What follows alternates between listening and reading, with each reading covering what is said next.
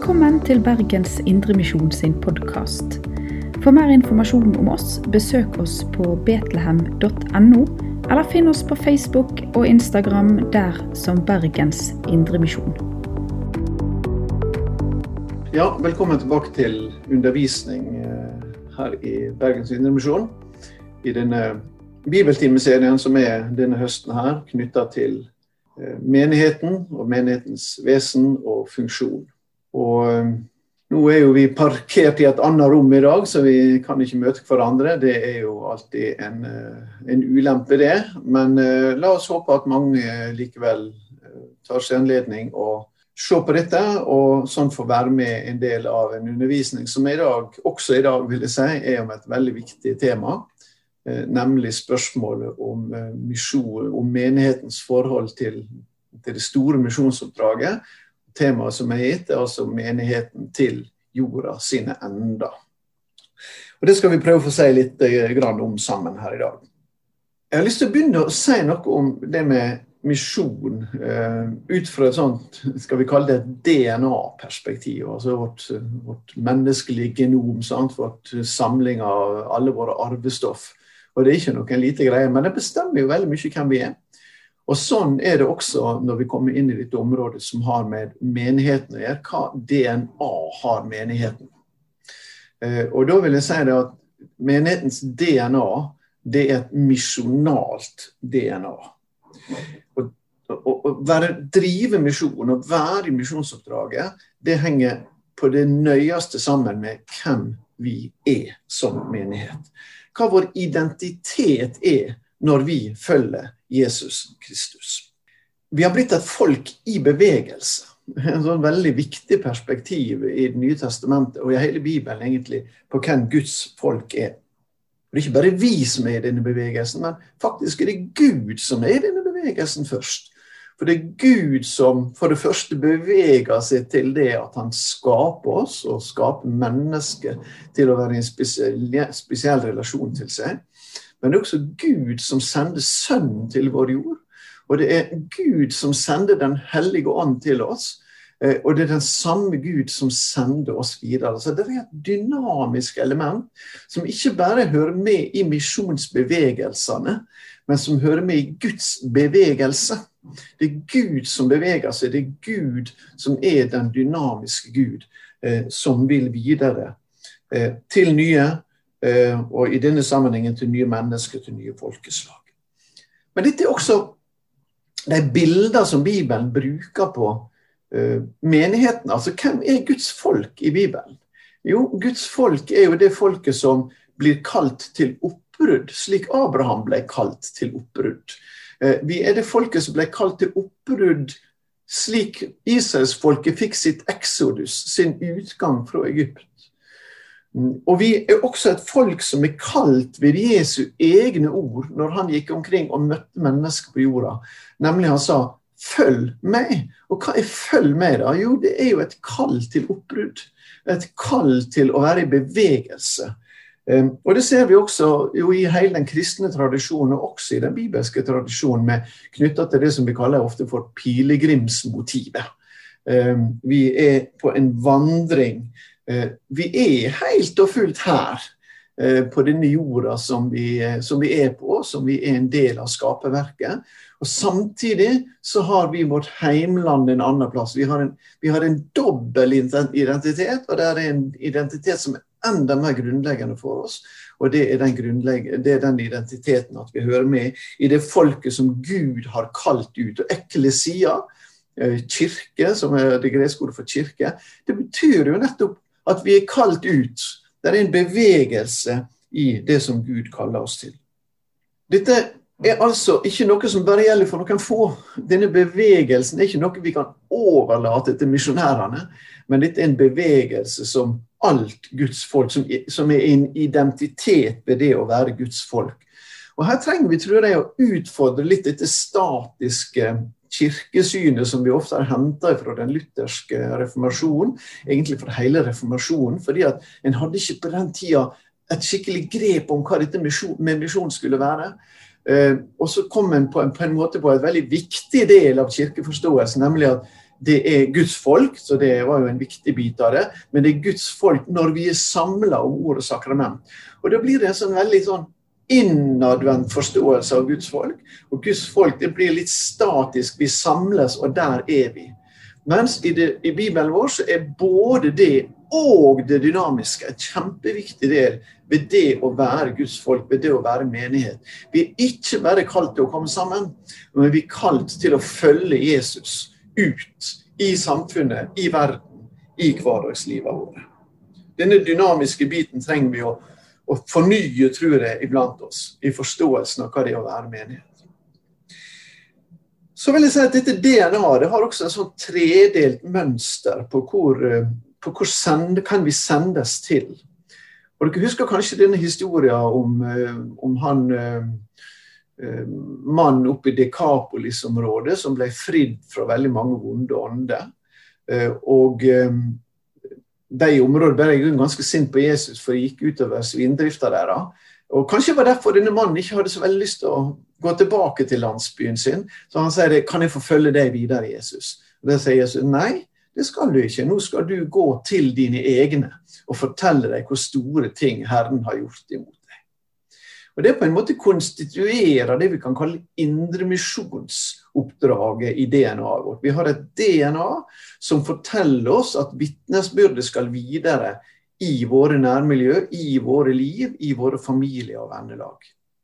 Og Det er jo indremisjonsoppdraget, og det er jo det som Bergens Indremisjon primært har på en måte hatt del i siden, eh, den ble til i 1863.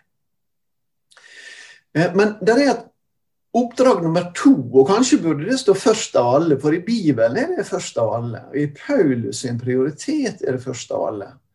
Og, og Hos Paulus er det sånn at der faller teori og praksis veldig sammen. For i apostelgjerningen så leser vi gang etter gang etter gang om Paulus at han gikk først til synagogen, og så henvendte han seg til hedningene. Når vi kommer til romerbrevet, skriftet etter apostelgjerningene, så leser vi om hvorfor det er sånn. Og Paulus gang på gang på gang understreker nettopp dette. At evangeliet er for jøde først, og så for greker. Det er en prioritet i evangeliet. Ja, vi alle er invitert inn, eh, inn til Kristus gjennom, og inn til Gud gjennom evangeliet om Jesus Kristus. Men det er en prioritet for det jødiske folk i en frelseshistorisk sammenheng. Og den står fast også når det gjelder misjon. Det jødiske folket trenger evangeliet om Jesus Messias. Det er det de trenger mest av alt, eh, så de kan få del i den frelse som Jesus har gitt. Så Derfor er det et helt sånn avgjørende eh, adresse, adresse for vår misjon. Jeg er veldig stolt av å få være med i dette også som, eh, som styreleder her i Israels misjon i, i Bergen krets. Og Det tredje oppdraget det går jo veldig klart fram, f.eks. av Matteusevangeliets 24. kapittel og det 14. verset, der vi leser at, eh, at evangeliet om riket skal forkynnes til vitnesbyrd for alle folkeslag, så skal enden komme. Så Jesus legger en veldig vekt på eh, at, eh, at, evangeliet må ut til folkeslagene. Det må ut til alle folkeslag. Eh, og det, noe, det er det som ligger i evangeliets natur, egentlig. Evangeliet som den afrikanske misiologen eh, Lamin Sané sier. Han sier at evangeliet vil oversettes. Evangeliet vil videre. Evangeliet vil krysse grenser. Det ligger i evangeliets innerste innhold. Det ligger jo i det at Jesus døde for alle. Og han sto opp for at alle mennesker skal inviteres inn og få del i det evige livet. Men hvor er Bergens Indremisjon midt i dette oppdraget? Det er jo en indremisjonsforening og bærer preg av å være det. Og Samtidig er Bergens Indremisjon en del av en bevegelse, Indremisjonsbevegelsen, som rundt omkring på bedehusene aldri har stått alene som indremisjon, men som alltid har innebåret både indre og ytre misjon for de ulike organisasjoner som har drevet med det. Og Det er en utfordring i dag, tenker jeg, for, for Bergens Indremisjon og for Indremisjonsforbundet for så vidt, å og spørre når flere organisasjoner nå samler dette indre og ytre kall i egen organisasjon, hvordan tar eh, Indremisjonsforbundet og Bergens Indremisjon del og tak i det? Men det var jo også her, i 1891, kan ikke si at det var i Bergens Indremisjon Norsk Luthersk Misjonssamband oppsto, men en viktig del av det miljøet som lå bak Norsk Luthersk Misjonssamband, altså Kina Misjonsforbundet som det het den gangen, det var i Bergens Indremisjon. Så dere har ei historie. Dere har noe på det.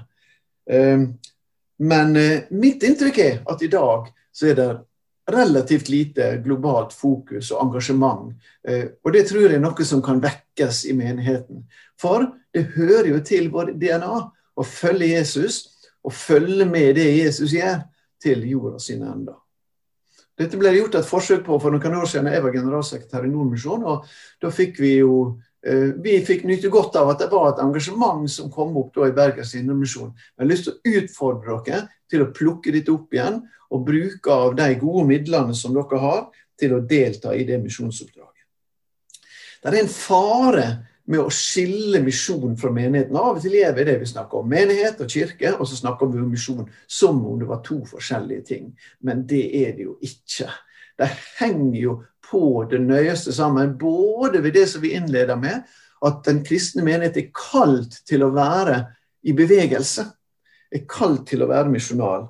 Men også fordi at det vi driver av misjon utenfor menigheten sine grenser, det må bæres av menighetens kall og overbevisning og bønn. Det er helt nødvendig at noen tar ansvar. Og Nå har det vært en trend noen tiår at på en måte misjonen har gått tilbake litt fra misjonsorganisasjonene og inn i menigheter.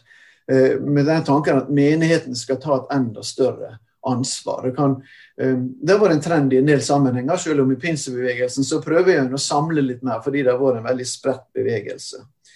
Og Nå har vi heldigvis også fått en diskusjon om dette i Nordmisjon, fordi at i Nordmisjon har vi eksperimentert med litt sånn ulike modeller. Um, og så ser han der er fordeler og der er ulemper med alle modellene. Men det vi må ha klart for oss, er at menigheten har del, og har en viktig del i oppdraget med å sende ut. Samtidig som vi må respektere at i tverrkulturell misjon så krever kreves det ganske mye tverrkulturell kompetanse. Det kreves veldig mye spesialkompetanse når det gjelder personalansvar. Eh, og det kreves også ganske mye av oss når det gjelder å jobbe med internasjonal partnerskapsbygging for bl.a. f.eks. å bygge langsiktighet i misjonen. I, misjon, I nettverksbygginga og i misjonsarbeidet. Og Til disse tingene trenger du spesialtropper som misjonsorganisasjonene er. Men den ene kan ikke klare seg uten den andre. Så langt om DNA, i det å være i bevegelse, i det å være sendt, i det å følge han som sa 'følg meg dit han måtte gå'. Og Da har jeg lyst til tre punkter å si noe om det misjonale oppdraget. Selve oppdraget som vi er sendt ut i. Og Det første punktet jeg vil si om det misjonale oppdraget, det er, eh, det er om det misjonale oppdraget når vi sender. Som jo er altså et stikkord der. Fordi at misjon det kommer jo, har jo med det latinske verbet 'mittere' å gjøre, som betyr å sende, eller 'missio', som betyr sendelse. Og Da hører vi at det er noe dynamisk i det. Det er ikke stillestående. Det er bevegelse i det. Og da har jeg bare lyst til å si at Det handler ikke primært om å sende penger. Ja, penger er naturligvis viktig i misjon, slik det er viktig i menighet. Fordi at de mennesker som er engasjert i det, de skal lønnes. Og fordi de aktivitetene vi setter i gang, de har jo økonomi i seg. Men eh, likevel så er ikke det primært å sende penger. Men det primære i misjon er at vi sender mennesker. Akkurat sånn som Nordmisjonen nå jobber med i den diskusjonen de har, og der de har vært på full fart ned på misjonærantallet. Og kanskje vi også har signalisert at vi har ikke råd til å sende ut flere. Men nå er en kommet der at nå, nå er det snart sånn at en, en, har så masse oppgaver ute som en trenger folk til.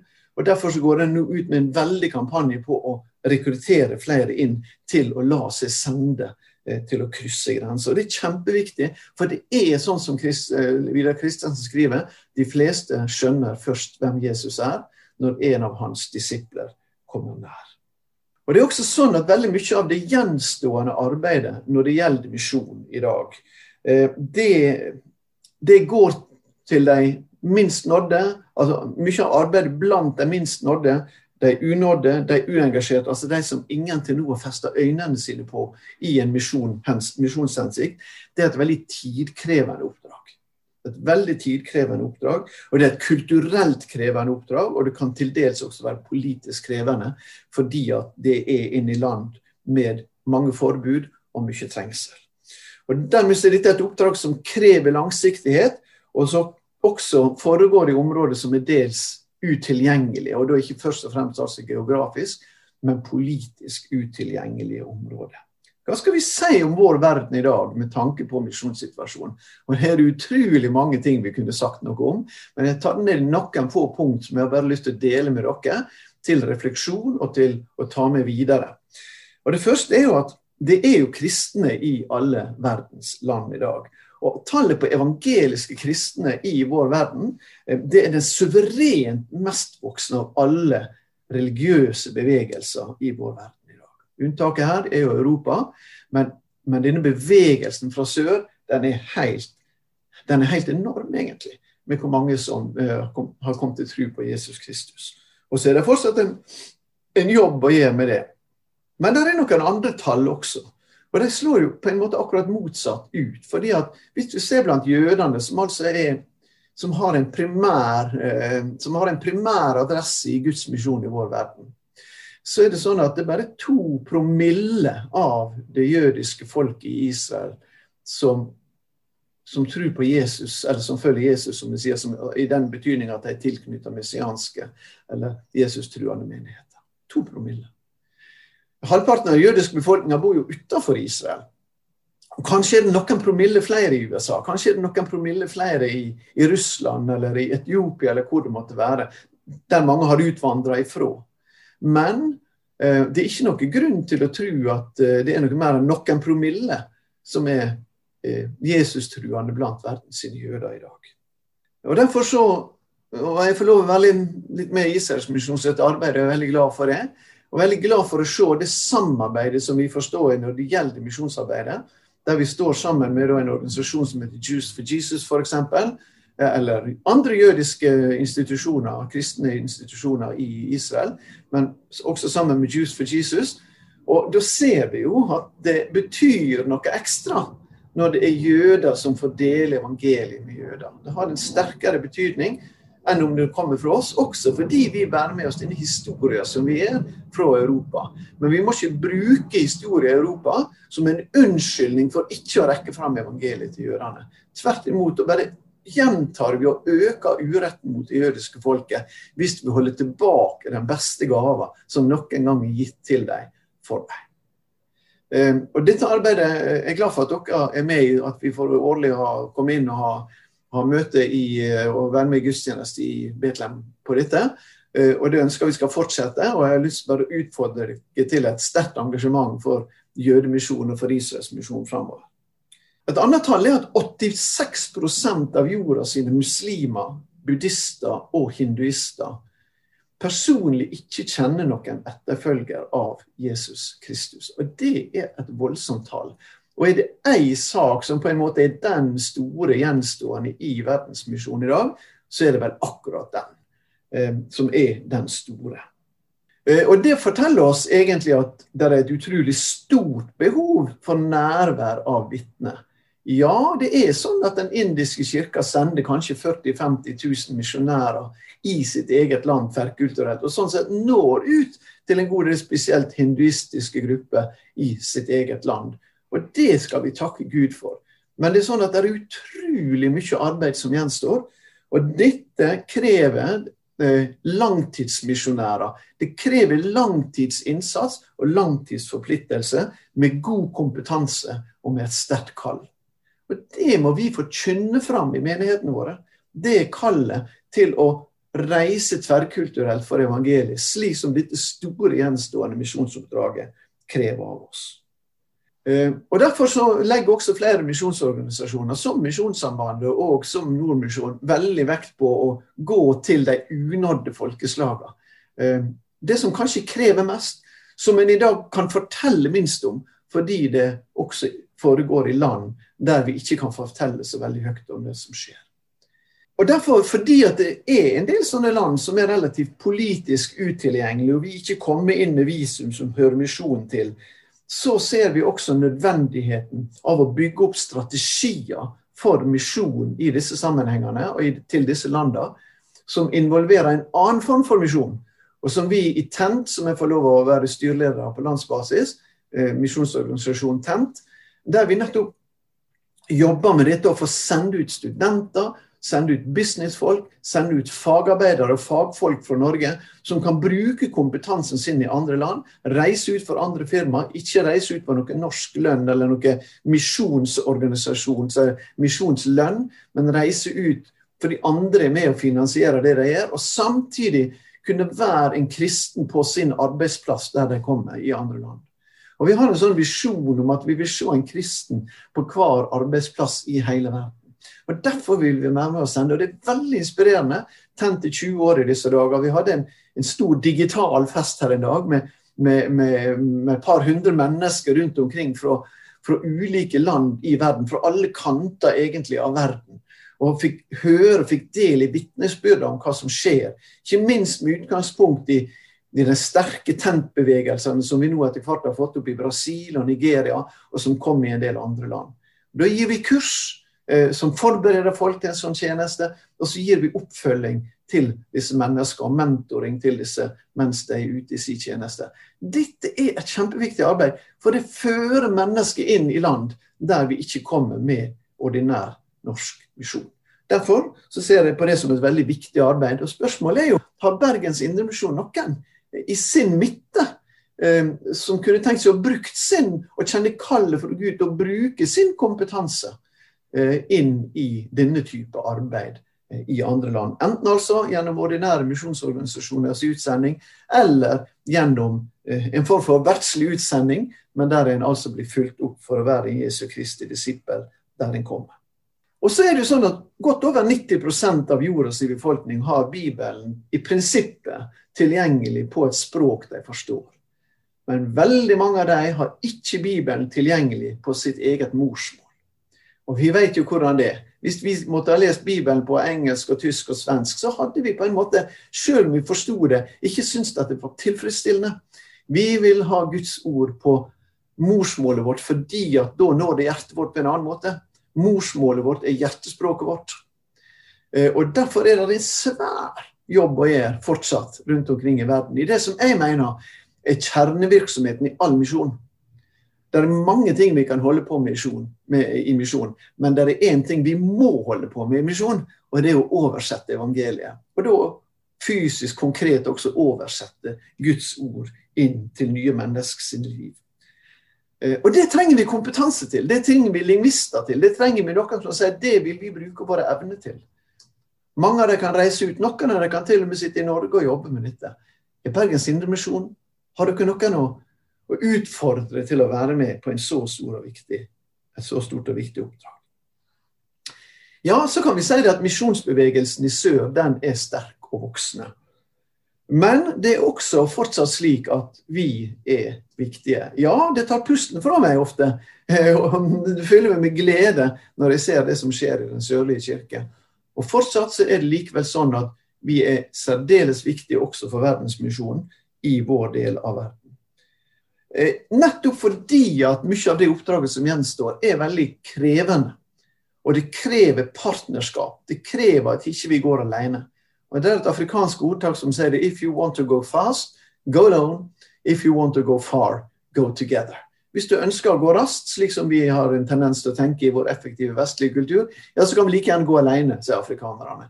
Men hvis vi ønsker virkelig å nå langt eh, inn i kulturen og inn i menneskets liv, så må vi gå sammen. Da må vi bygge partnerskap. Dette med å bygge partnerskap er kanskje vår, er det aller, aller viktigste sidene ved misiologien, lære om misjon de senere tiåra, ikke minst slik som vi har jobba med i Lusann-bevegelsen. Bygge internasjonale partnerskap for at vi skal komme videre med evangeliet på en god måte. Eh, og Her er det spørsmål til dere i Bergens Indremisjon. Hva rolle vil Bergens Indremisjon spille i jødemisjon? Eh, I misjon til folkeslagene? Til de unådde? I teltmakermisjon og teltmakertjeneste. Hvem vil dere sende? Hvor mye vil dere sette av av alle deres ressurser på det som ligger Gud mest på hjertet? Ja, for Det er ganske, det er også et sånt paradoks at langt over 90% av de midlene som vi i dag bruker på internasjonal misjon fra de vestlige kirkene, ja, langt over 95% av det går til områder der evangeliet er godt kjent og kirker er godt etablert. Men det er bare noen få prosent som går til de mange som vil satse på de unådde. Det andre punktet om det misjonale oppdraget det har jeg kalt det misjonale oppdraget når vi bygger relasjoner. Det første altså er det misjonale oppdraget når vi sender, det andre er det misjonale oppdraget når vi bygger relasjoner. Og Jeg nevnte dette med at Partnerskap det er et veldig sånn sterkt økende element i misjon. Du møtte veldig sterkt når vi, når vi innleder et samarbeid med en kirke i sørøstre del av Bangladesh som heter Evangelical Christian Church i min tid i Nordmisjon. Eh, og de vil ikke ha pengene våre. Og De ville ikke ha personell fra oss, og det drev oss nesten til desperasjon. Ja, Men hva er det da? Hva er det da vi kan gjøre? Jo, men De ringte oss jevnlig, til dels ukentlig, men i alle fall jevnlig. Så ringte de til oss for å si noe om, spørre oss ja, hva vil dere vi skal be for nå i deres arbeid, eller i Norge, i den norske kristenhet og kirkelighet. Eh, hva vil dere vi skal be for? Her er det dere kan be for hos oss. Det er partnerskap. Og så gikk vi også inn i noe prosjekt Eh, og, og, og fikk, fikk, skapt noe sammen med det der. Men hele tida i et likeforhold. Fordi at vi har hatt en tendens ikke sant, som vestlige mennesker og vestlige kristne til å tenke litt sånn overfra. Eh, eh, vi kom inn overfra. Vi kommer utenfra, overfra og ovenfor, overfor folk. Men det som gjelder i misjonen i dag, det er ikke å komme utenfra, overfra og ovenfra Eh, eller overfor, men det gjelder å komme iblant og være en partner iblant. Være én av mange eh, som står der. Eh, og da vil vi oppdage at det er sterke eh, bevegelser der ute som vi kan bety noe for, men som også kan bety noe for oss. Tre punkt på dette her med, med eh, altså det vi når, når, vi, når vi bygger relasjoner. Det første punktet er jo bønn. Bønn er jo misjonens bærekraft, ikke sant? Og Det tenker vi ofte ikke altfor mye på. Men på 1720-tallet så, ble det, så starta de med et døgnkontrollerende bønnemøte, en gjeng som de avløste hverandre time for time, eh, ned i en by som heter Hernhut i Tyskland. Eh, og en bygde opp et en bygde opp en bønnelenk og en bønnebevegelse. Og det var faktisk der, på det slottet der, da, eh, til Gref von Sinsendorf, så bygde en opp Eh, et bønnemøte som faktisk varte i ca. 100 år døgnkontinuerlig. Med at en avløste hverandre og ba og ba. Og ba. Og hva ba en for? Jo, det var én ting en skulle be for i de bønnemøtene. Det var for verdensmisjon. Og Dette var jo på en tid da verdensmisjonen, sett fra et europeisk synspunkt, egentlig var ganske laber. Det var ingen sterk arv fra reformasjonen på det. Eh, og det var enda ikke våkna skikkelig, selv noen begynte jo å våkne på denne tida. Men det var ikke noe som tok av. Det tok jo ikke av egentlig før inn på 1800-tallet. Helt slutten av 1700-tallet, og så tar det av på 1800-tallet. Er det tilfeldig at det skjer der og da?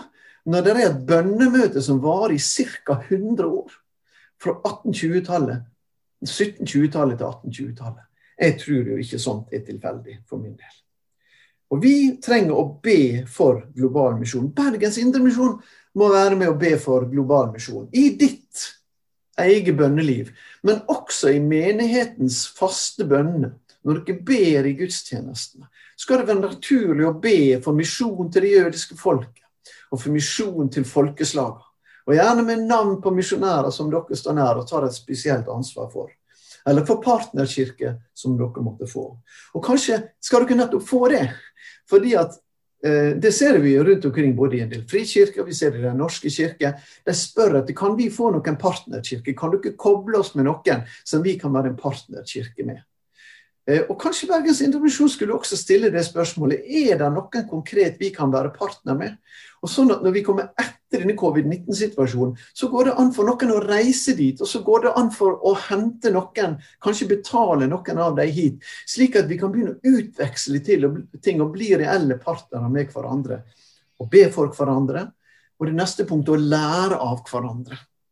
Og dette var, mitt, dette var en veldig tidlig erfaring jeg gjorde i møte med, med studentbevegelsen i Kenya.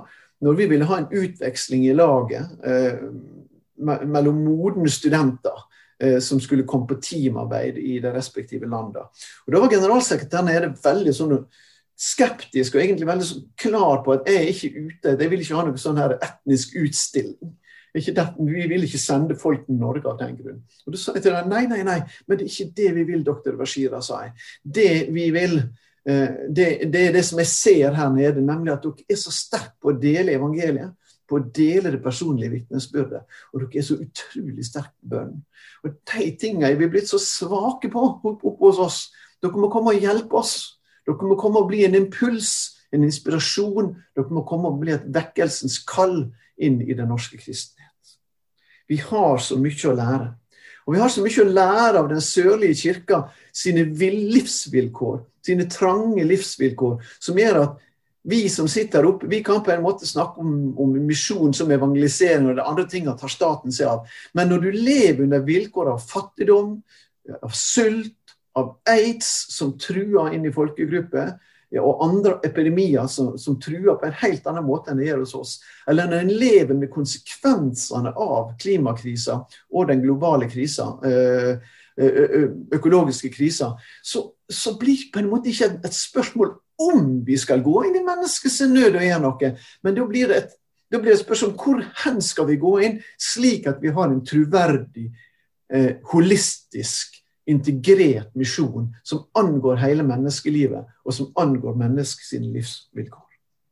Det trenger vi å lære av. Og da er vi kommet til det tredje punktet under det som har med, eh, med oppdraget som relasjoner å nemlig at misjon er også å lide med. Det å, det, det å, være sammen med å bygge partnerskap med den lidende kirka. Og Kirken i sør er jo i mye større grad enn vi, enn, i alle fall enn vi er bevisst på. Og I sin ytre forstand så er det i langt større grad i en del land, slett ikke i alle, men i en del land, der en forfulgt kirke. En kirke som lever under korsets smerte på en annen måte enn vi ofte kan forestille oss.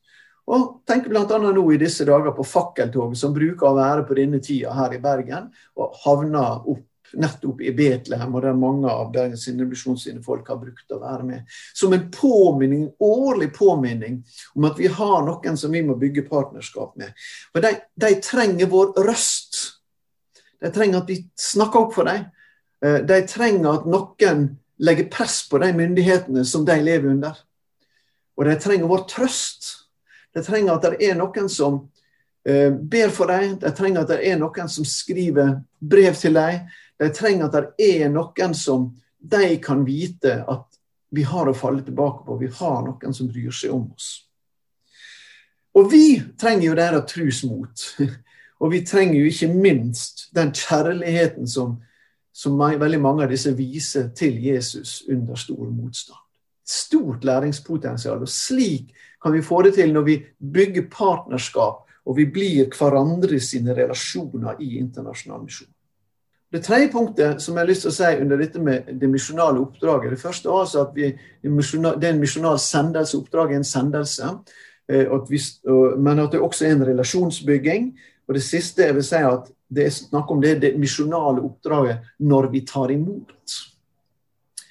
Eh, og den tingen er jo en uoppdaga sak for utrolig mange i Kristen-Norge. Jeg tror også på mange måter for Bergens Indremisjon. Og Det knytter seg ikke minst til innvandrersituasjonen i Norge.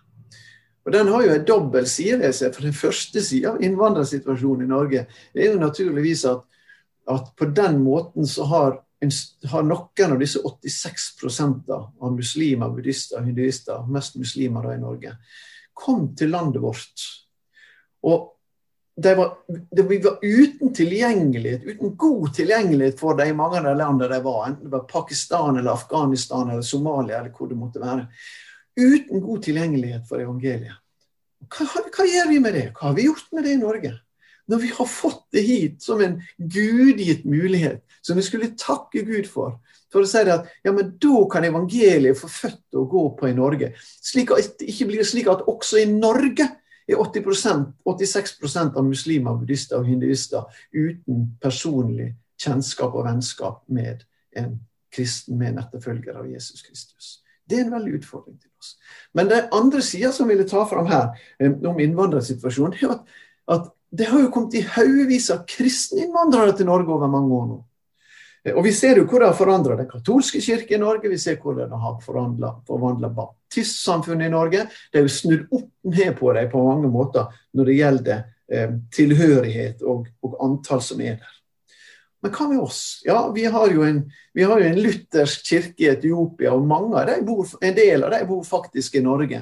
Og Det er jo en veldig sterkt voksende kirke. Det er en sterkt charismatisk luthersk kirke. Og det er jo verdens desidert største kristne kirke i dag.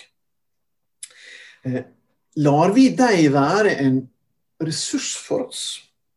Lar vi dem være lar vi innvandrere fra andre land og fra andre kirker bli en ressurs i vår sammenheng, slik at vi kan tenke om dem som ledende, og som et ledende og tjenende subjekt. Og ikke bare slik jeg tror vi veldig ofte har sett på det, nemlig at det er noen vi må forbarme oss over. At det på en måte er et diakonalt objekt som vi må vise omsorg for. Ja, vi skal ha en sterk diakoni. Det er veldig viktig å ha en sterk diakoni. Og vi skal vise omsorg for alle mennesker, og ikke minst for mennesker som er i nød. Men vi trenger å relære, vi trenger å, å, å, tenke annerledes i hodet vårt om dette. For her kommer det faktisk ganske mennesker og kan tilføre Den kristne kirke en dimensjon som vi har mista underveis. Fordi de kommer ifra og med et sterkt bønneliv og en sterkt forhold til det å dele trua naturlig. Lar vi dem utfordre oss? Lar vi dem fornye oss? Eller sitter vi fast i våre spor så vi slutter å nå ut, enten det er i Bergen eller til det jødiske folket, eller til folkeslagene ved jorda sine ender? Ser vi åndens ledelse? Jeg, ser, jeg mener å se den. Ser vi åndens ledelse når flere hundre tusen nye kristne har kommet til oss ifra utlandet til landet vårt? Ja, hva gjør det med oss at vi sjøl er blitt misjonsmark? Og hva gjør det og en klassisk misjonsmark, slik vi har brukt å tenke om det tidligere? En liten minoritet i vårt eget land. Hva gjør det med oss når mange land i Europa nesten ikke har evangeliske kristne? Ja, Da tenker jeg at da, da må vi prøve å se, se, det fra denne vinkelen her. Hvordan kan den globale virkeligheten eh, bli vår ressurs? Hvordan kan de globale ressursene bli vår mulighet? I den sangen jeg siterte fra Vidar Kristensen, så sier han også at ekko slår tilbake. Tilbake fra fjerne strøk av verden. Det vi sådde ut av andre, kommer sterkt og klart igjen. Og det ser vi i dag. Vi ser det i den internasjonale misjonsbevegelsen. Og vi får faktisk noen hit til oss. Hvordan tar vi imot det? Hvordan lar vi det endre oss? For jeg tror vi trenger en radikalt endring av Bergens Indremisjon og av den norske kristne. Så vi igjen bærer trua sin brann og vitnesbyrdets brann i oss. Og klarer å se forbi alle former som vi har laga oss og dyrka i løpet av generasjonene. Og så er det at formene har vi lov å legge vekk. Nå må vi møte misjon på en annen måte. Vi lever i en tid for verdensmisjon som peker i retning Johannes' åpenbaring sin kapittel 5 og 7. de store syna som apostelen fikk.